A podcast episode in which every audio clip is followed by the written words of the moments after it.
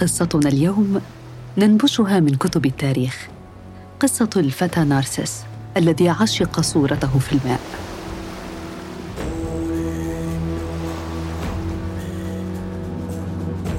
وفق إحدى الأساطير فإن صيادا يونانيا شديد الوسامة يدعى نارسس كان مغرورا جدا ولم يغرم إلا بانعكاس صورته بالبحيرة. ظنا منه أنها إحدى الحوريات. لم يعد يفارقها وظل يحدق في صورته إلى أن مات.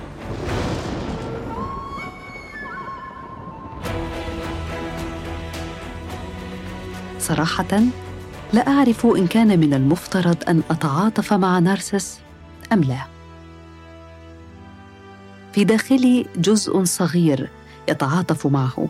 باعتباره شخصا يعاني اضطرابا نفسيا وربما كان بحاجة للمساعدة لكن قول هذه الجملة بصوت مرتفع جعلني أعيد التفكير فيها. هل الشخص النرجسي يستحق التعاطف؟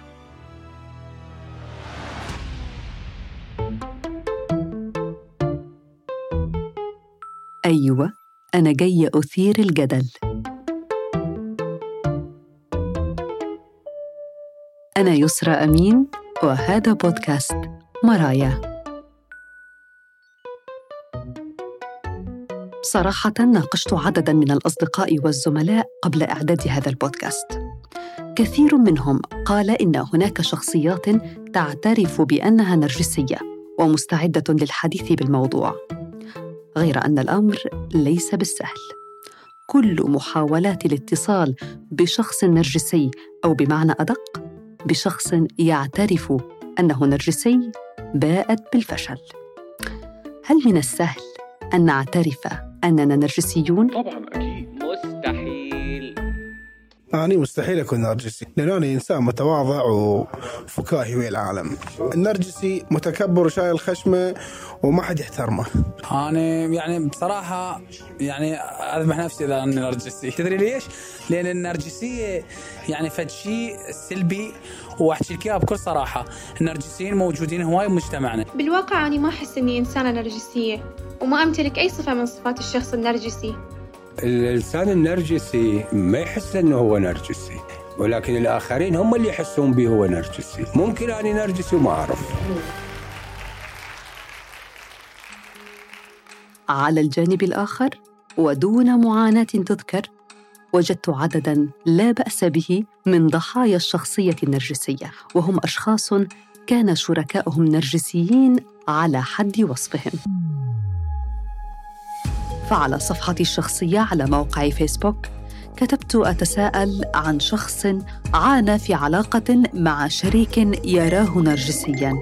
امتلأ صندوق الوارد في دقائق معدودة. ومنه اخترت أن أشارككم هذه الرسالة الصوتية. مساء الخير يا يسرا أنا أنا فعلا آه كنت مرتبطة بشخص شخصيته نرجسية جدا.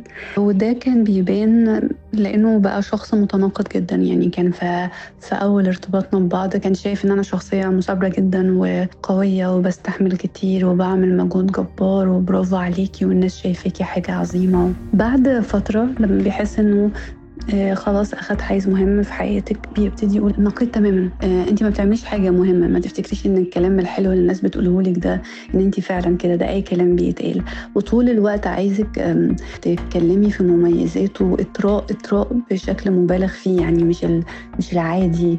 لا لا هو عاوزك تبذلي مجهود جبار وطول الوقت تفخمي فيه وتعظمي فيه.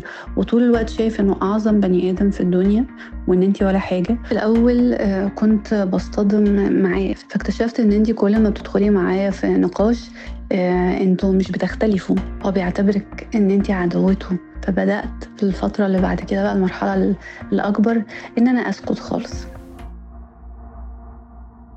على فكرة مواقع التواصل فيها صفحات كثيرة عن الشخصية النرجسية والشريك النرجسي وتعليقات لا تعد ولا تحصى عن أنانية هذا الشريك الذي يوصف بالنرجسي لدرجة قد تدفع البعض منا إلى الوقوف أمام المرآة والتساؤل هل أنا نرجسي؟ لا تقلق هناك بالمقابل الكثير من الدراسات والمواقع العلمية كموقع فيسيولوجي توداي تشرح خصائص هذه الشخصية وعلى رأسها الأنا العليا أنا اولى أحد. من صفات هذه الشخصية الإفراط في حب الذات والاهتمام بالمظهر الخارجي وراحة الذات وتضخيم الفرد من أهميته وقدراته. لكن الباحث البريطاني المتخصص في اضطراب الشخصية النرجسية تينيسون لي يرى أن هذه الأنانية المفرطة قد تكون اضطرابا نفسيا لا سيما عندما يسبب اهتمام الشخص النرجسي المفرط نوعا من المعاناة أو المصاعب للمحيطين به ويعد واحدا من أخطر عشرة اضطرابات في الشخصية. وهذا ما يقوله أيضا الدكتور أمجد أبو جدي عضو الجمعية الكندية للإرشاد والعلاج النفسي. إحنا دائما إحنا أي سلوك هو ضمن الوسط ضمن الوظيفة المعتادة بالشخصية هي هي طبيعية بنعتبرها لأنه إحنا لا لا يخلو أي أحد فينا من تحديات نفسية. هلأ وين إحنا نعتبر الموضوع فيه مشكلة أو في اضطراب؟ عندما يؤثر على أداء الوظائف يعني واحدة منها إنه الاداء على وظائف الحياة. من ضمن الوظائف اللي هي الوظائف الاجتماعية، الوظائف الأكاديمية، وظائف العمل، وظائف الأسرة، هاي كلها. إذا اليوم أصبحت هاي الصفات تؤثر هون تصبح فيها خلل بمعنى إذا اليوم إحنا تحدثنا عن علاقة زواجية وبالتالي أصبحت صفة النرجسية هي صفة إيه، تسيطر على طبيعة هذه العلاقة وبالتالي هناك إهمال شديد مثلا لحاجات الطرف الآخر نتيجة لفكرة النرجسية. إيه، يس هون تعتبر اضطراب. إذا هناك فروقات بين النرجسية كسلوك بشري والنرجسية كاضطراب في الشخصية. لكن دكتور أمجد كيف يتم تشخيص هذا الاضطراب؟ حتى يكون التشخيص يعني في له دلالة كلينيكية لابد أن يتم ضمن يعني معايير محددة وضمن يعني فترة زمنية محددة وضمن تأثيرات محددة على الوظائف الاجتماعية والشخصية بشكل أساسي. هلا أنا بفهم هاي التشخيصات هي لغة التواصل قديش في هناك إحباط من هاي العلاقة قديش في تجاهل للحاجات. أنا بسمعها بهذا الاتجاه إنه في النهاية هي لغة للتعبير عن الإحباط هي لغة للتعبير عن عن عدم الرضا هي لغة للتعبير عن فقدان القدرة على التواصل بمرحلة من المراحل. يس في ترند في في استخدام هاي المصطلحات النفسية للتعبير عن الأشخاص اللي ممكن سلوكهم ما عم بينسجم مع معايير محددة أو توقعات محددة ضمن علاقاتهم أو القيام بمسؤوليات محددة ضمن علاقاتهم الاجتماعية أو الأسرية تشير الإحصاءات إلى أن معدل انتشار اضطراب الشخصية النرجسية في العالم يتراوح بين 1 إلى 5%. هذا يعني أن هناك احتمالاً إحصائياً أنك تعرف شخصاً نرجسياً واحداً على الأقل في محيطك الاجتماعي أو الدراسي أو المهني أو على إنستغرام. الأخصائيون يرنون أجراسهم ويحذرون من غزو النرجسية العالم الرقمي ما رأيك دكتور أمجد؟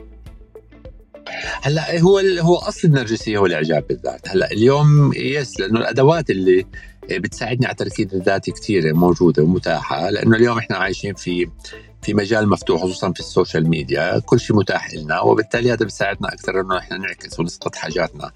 على الأدوات الموجودة. مثلا السيلفي موجود مع كل الناس وبالتالي غير لما كانت في الماضي كنت بدي أجيب مصور وبدي أجيب استعدادات. فبالتالي أسهل إني أنا إذا عندي حاجات معينة بدي أعمل تركيز عليها. صح في قد يكون حالة من الثقة بالنفس بس الثقة بالنفس كمان هي مرتبطة في في تقدير يعني من الآخرين وإشادة قد تكون وتفاعل مع مع حاجاتي. مش بالنهاية أنا حاجاتي هي ستكون هي المسيطرة وفقط هي التي تكون مسيطرة.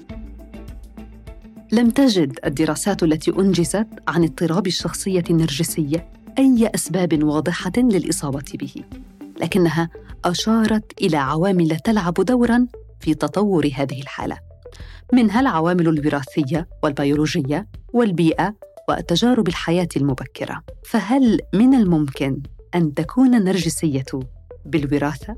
الدراسات الجينية بهذا الجانب بعتقد يعني لا تستطيع أن تعطي يعني إجابات شاملة وحصرية، قد تعطي انه هناك في بعض الاستعدادات صحيح بس ولكن معظمها كمان تركز على العوامل التربوية وعوامل التنشئه كعوامل مهمة جدا في موضوع النرجسية. آه، في هناك يس في سمات شخصية من ضمنها التركيز على الذات آه، زي ما حكينا آه، قضايا أكثر لها علاقة بال بقلة التفاعل الاجتماعي، قلة القدرة على اكتساب خبرات، عدم عدم القدرة على على وجود يعني مساحات اجتماعية تستطيع أن تعطيك القدرة أن تختبر الآخرين ومشاعرهم وأن تدرك من ما الذي يشعرون به، فبالتالي هاي كمان نقطة مهمة في في موضوع النرجسية. طيب دكتور أمجد، ماذا عن التربية المبكرة؟ هل يصنع الوالدان نرجسية أبنائهم بالتربية؟ هلأ العوامل التربوية عوامل مهمة، هاي نقطة مهمة جدا نحن نعرفها في موضوع النرجسية، في خصائص تربوية صحيح إنه إنه الأهل بيعطوا اهتمام زائد للاطفال، بفهموه من البداية إنه أنت يعني يعني شخص مش مطلوب منك مسؤوليات ومطلوب ومطلوب منا رعايتك بشكل كبير وبالتالي حاجاتك ملباه بالنسبة لنا بشكل كبير، هلأ مش حدا بيعمل هيك هو معناته حيوصل نفس النتيجة لأ. بس في هناك أسس تربوية إنه على الأقل إنه إحنا بنركز على حاجات الشخص ان تكون هي هي المطلب الأساسي وبالتالي سيدرك يس إنه هو حاجاته اهم من حاجات الآخرين.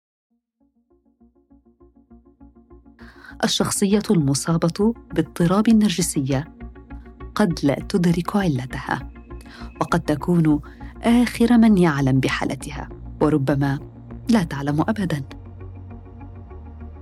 هلا في نقطة مهمة جدا إنه النرجسي تحديدا واحدة من من ضمن يعني الصفات أنه ما عنده الإنسايت اللي هو الاستبصار في المشكلة أو يعترف بوجود المشكلة عنده بشكل أساسي. هاي أول نقطة بدنا نعرفها فهذا قد يكون تحدي في ثلاث اضطرابات يعني يعتبروا يعني من أصعب اضطرابات التعامل معها من ضمنها اضطراب الشخصية النرجسية والحدية بسموها اضطراب الشخصية السايكوباثية. هدول الثلاثة بيجوا ضمن تصنيف تحت مظلة واحدة. وفيهم عناصر مشتركة من ضمن الأشياء اللي هو عدم القدرة على الوعي أن هناك مشكلة تحتاج إلى إلى حل.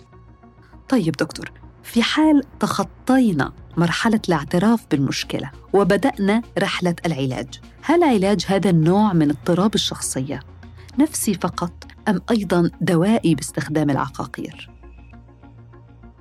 بشكل عام هو هلا كمان بدنا نعرف قضية مهمة قد يكون في هناك كمان اضطرابات مصاحبة للاضطرابات النرجسيه يعني قد يكون في هناك نسبة من الاكتئاب بسبب قد يواجه بعض الإحباطات وهو يسعى إلى الحصول على الإعجاب من الآخرين. قد يكون هناك إدمان فهي وحدة يعني كمان نقطة أساسية ومشان هيك ممكن يدخل العلاج الدوائي بشكل أساسي.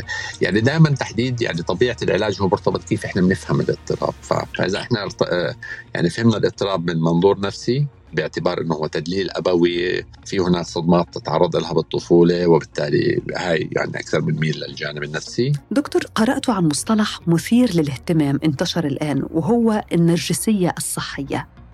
هل من الممكن أن تكون النرجسية صحية؟ يعني مرتبطة مثلا بتطور الذات؟ هذا سؤال مهم جدا النرجسية الصحية. النرجسية الصحية القصد الإعجاب بالذات ونحن بنرجع يعني نناقش مرة ثانية مفهوم الثقة بالنفس. يعني كويس ان أكون عندي ثقة بنفسي كويس ان أكون أعرف حدودي هي نقطة مهمة جدا أنا أعرف حدود ثقتي وين حتوديني يس أنا أعرف بس ولكن بدي أعرف إنه في عندي حدود كمان آه، عدم اليقين في معرفتي إذا قدرت أعمل هذا هذا النوع يعني بدي آخذ من النرجسيه الجانب له علاقه بالاعتداد بالذات واحترام الذات وتقدير الذات تماما بس ولكن كمان هل هذا سيسمح لي أن أحافظ على حدود صحية؟ بس قديش إحنا بنقدر نضمن هذا الشيء؟ هون هي السؤال المهم.